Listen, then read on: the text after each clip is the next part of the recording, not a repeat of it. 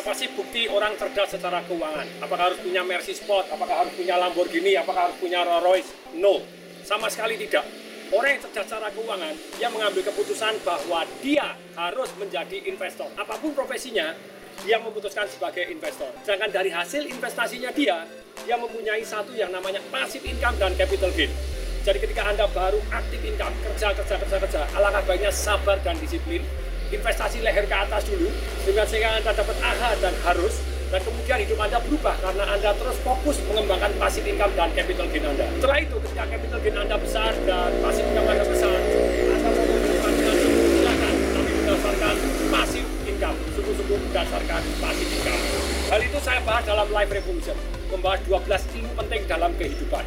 Bukan hanya kecerdasan keuangan juga, tapi melainkan ilmu yang penting lainnya, mengelola emosi, mengambil keputusan seperti apa, ilmu berpikir apa, ilmu nyontek bagaimana, ilmu bergaul dengan orang sukses caranya bagaimana, supaya bisa kerjasama dengan orang sukses seperti apa, mempekerjakan orang yang lebih sukses caranya bagaimana. Saya bahas di buku Life Revolution ini, cari buku ini di liverevolution.id di bawah ini. Pesan sekarang juga. Gas ya.